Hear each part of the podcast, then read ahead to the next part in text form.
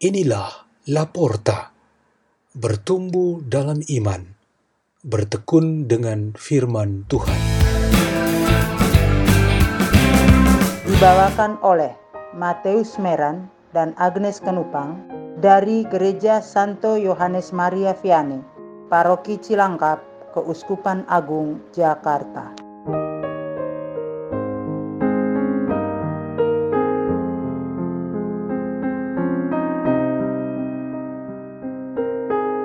Bacaan dan Renungan Sabda Tuhan Hari Senin, Pekan Biasa ke-23, tanggal 6 September 2021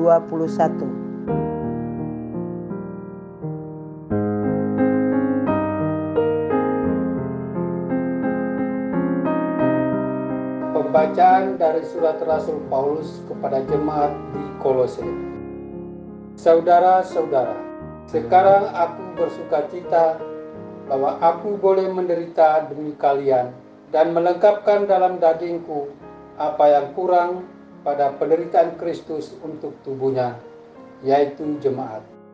Aku telah menjadi pelayan jemaat itu sesuai dengan tugas yang dipercayakan Allah kepadaku untuk meneruskan kepenuhan sabda Allah kepada kalian, yaitu rahasia yang tersembunyi berabad-abad dan turun-temurun kini dinyatakan kepada orang-orangnya yang kudus. Allah berkenan memberitahu mereka betapa kaya dan mulianya rahasia itu di antara bangsa-bangsa lain, yaitu Kristus ada di antara kalian. Dialah harapan akan kemuliaan.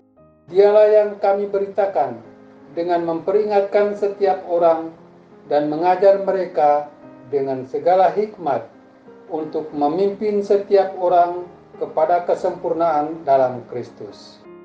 Itulah yang kuusahakan dan kuperjuangkan dengan segala tenaga sesuai dengan kuasanya yang bekerja dengan kuat dalam diriku. Saudara-saudara, aku ingin agar kalian tahu betapa beratnya perjuangan yang kulakukan bagi kalian, bagi mereka yang di Laodikia, dan bagi semuanya yang belum mengenal aku secara pribadi.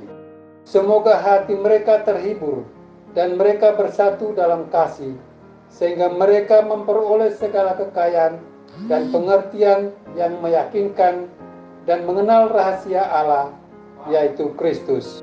Dalam dialah tersembunyi segala harta, hikmat, dan pengetahuan. Demikianlah sabda Tuhan.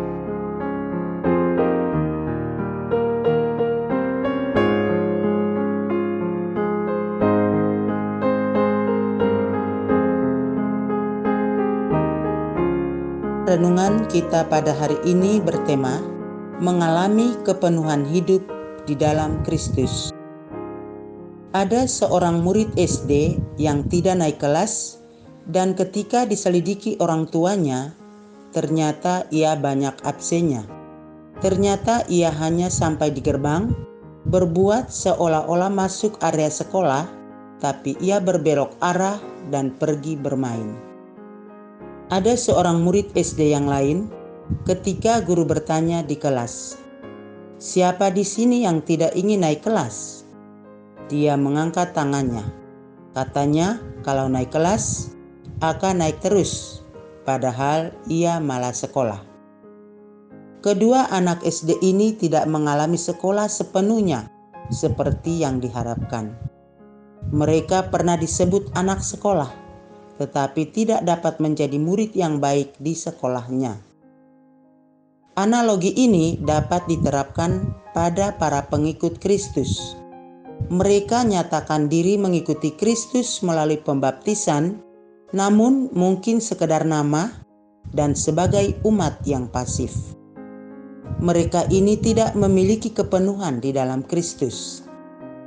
Hal ini bertentangan dengan Santo Paulus yang dalam suratnya kepada jemaat di Kolose berkata, "Kami memperingatkan setiap orang dan mengajar mereka dengan segala hikmat untuk memimpin setiap orang kepada kesempurnaan di dalam Kristus." Paulus berpatokan pada ajaran Yesus Kristus yang dalam Injil Yohanes bab 10 ayat 10 berkata, Yesus datang supaya kita memperoleh hidup dan mempunyainya dalam segala kelimpahan. Hari ini, bacaan-bacaan kita menggambarkan kepenuhan hidup di dalam Kristus yang menuntut kita untuk, yang pertama, mengalami penderitaan yang penuh, seperti yang dikatakan oleh bacaan pertama. Kalau kita memenuhi apa yang kurang pada penderitaan Kristus untuk tubuhnya, yaitu jemaat, supaya derita dan pengorbanan semakin menjadi daya untuk menghadirkan kebaikan bagi banyak orang. Dua, tekun dengan firman Tuhan yang bukan kata-kata kosong, tetapi pribadi Tuhan yang hadir dan memberikan kehidupan baru bagi setiap orang. Tiga, memiliki kepenuhan kemuliaan yang melampaui semua hal yang berharga. Empat, menyatakan apa yang dahulu sebagai rahasia dan kini telah dinyatakan kepada orang-orang kudus. 5. Menerima rahmat kebijaksanaan yang kita dapatkan dengan berlimpah di dalam Kristus. 6. Memiliki kekuatan Yesus Kristus yang begitu berdaya dalam membaharui hidup kita dan menghempaskan kekuatan kejahatan, sakit, dan halangan lainnya. Dan yang ketujuh, mempunyai kepastian akan pengetahuan tentang misteri Allah, yaitu Kristus Putra Allah, sehingga kita dapat sampai kepada setiap harta kebijaksanaan dan pengetahuan yang tersembunyi. Ini semua merupakan kekayaan rohani yang kita upayakan selalu di dalam hidup iman kita. Marilah kita berdoa dalam nama Bapa dan Putra dan Roh Kudus. Amin. Ya Yesus Kristus, sebagaimana Engkau sembuhkan orang yang mati tangan kanannya, kami mohon kiranya Engkau juga sembuhkan kami dari sakit kami masing-masing, sehingga kami mampu memenuhi tugas dan tanggung jawab kami masing-masing. Salam Maria, penuh rahmat Tuhan sertamu. Terpujilah engkau di antara wanita, dan terpujilah buah tubuhmu Yesus.